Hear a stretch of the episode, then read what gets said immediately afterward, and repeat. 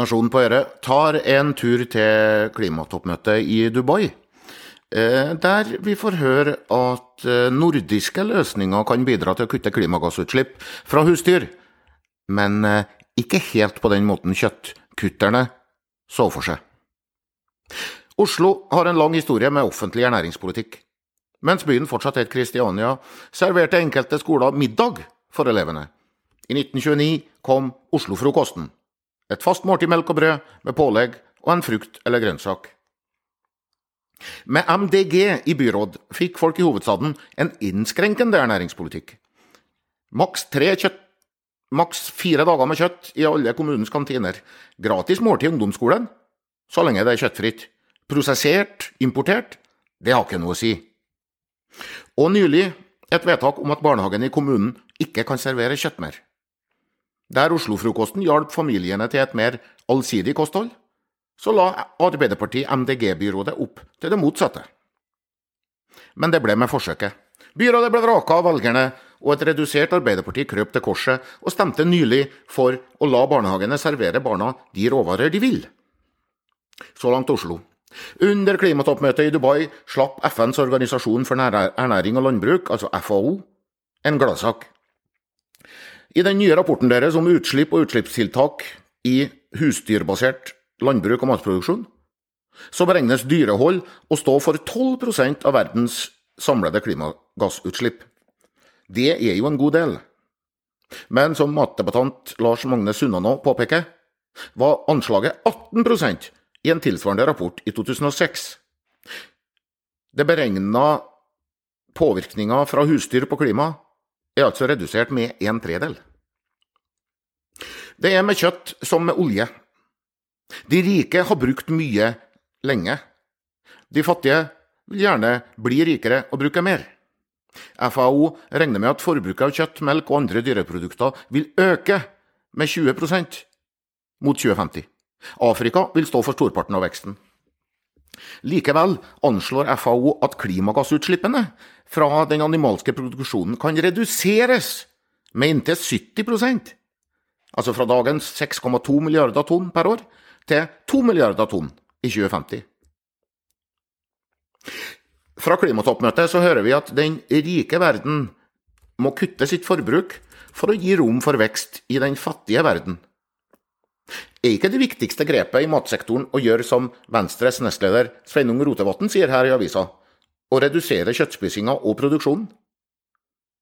Ikke ifølge FAO. Redusert kjøttkonsum i rike land vil bare kutte 4% av utslippene fra verdens dyrehold.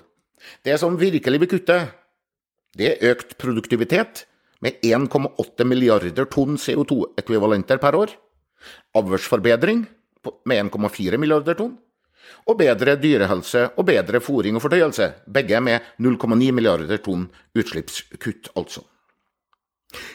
Altså nettopp de tinga som vi driver med i Norge i dag. Avlsarbeid og fòrutvikling, som f.eks. bruk av metanhemmere i fôret til storfe. Færre dyr, mindre fôr, lavere kostnader og lavere utslipp per kilo produsert mat.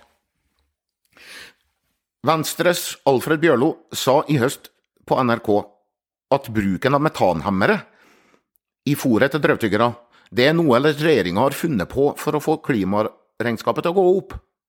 Ja, politisk kan han ha et poeng, klimafaglig er Bjørlo helt på jordet.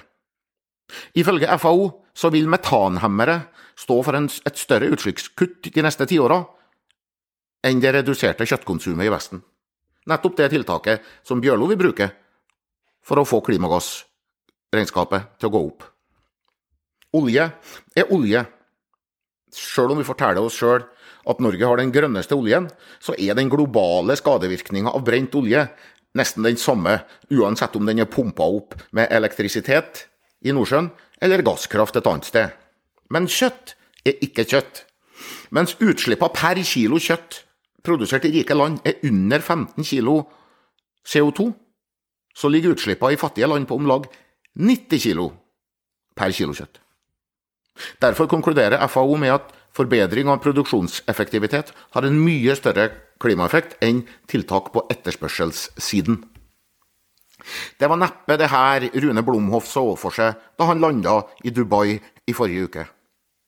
Ernæringsprofessoren leda arbeidet med nye nordiske kostråd inn i en klimasidegate som fikk flere forskere til å trekke seg fra oppgaven, mens Blomhoff fikk flybillett til klimatoppmøtet.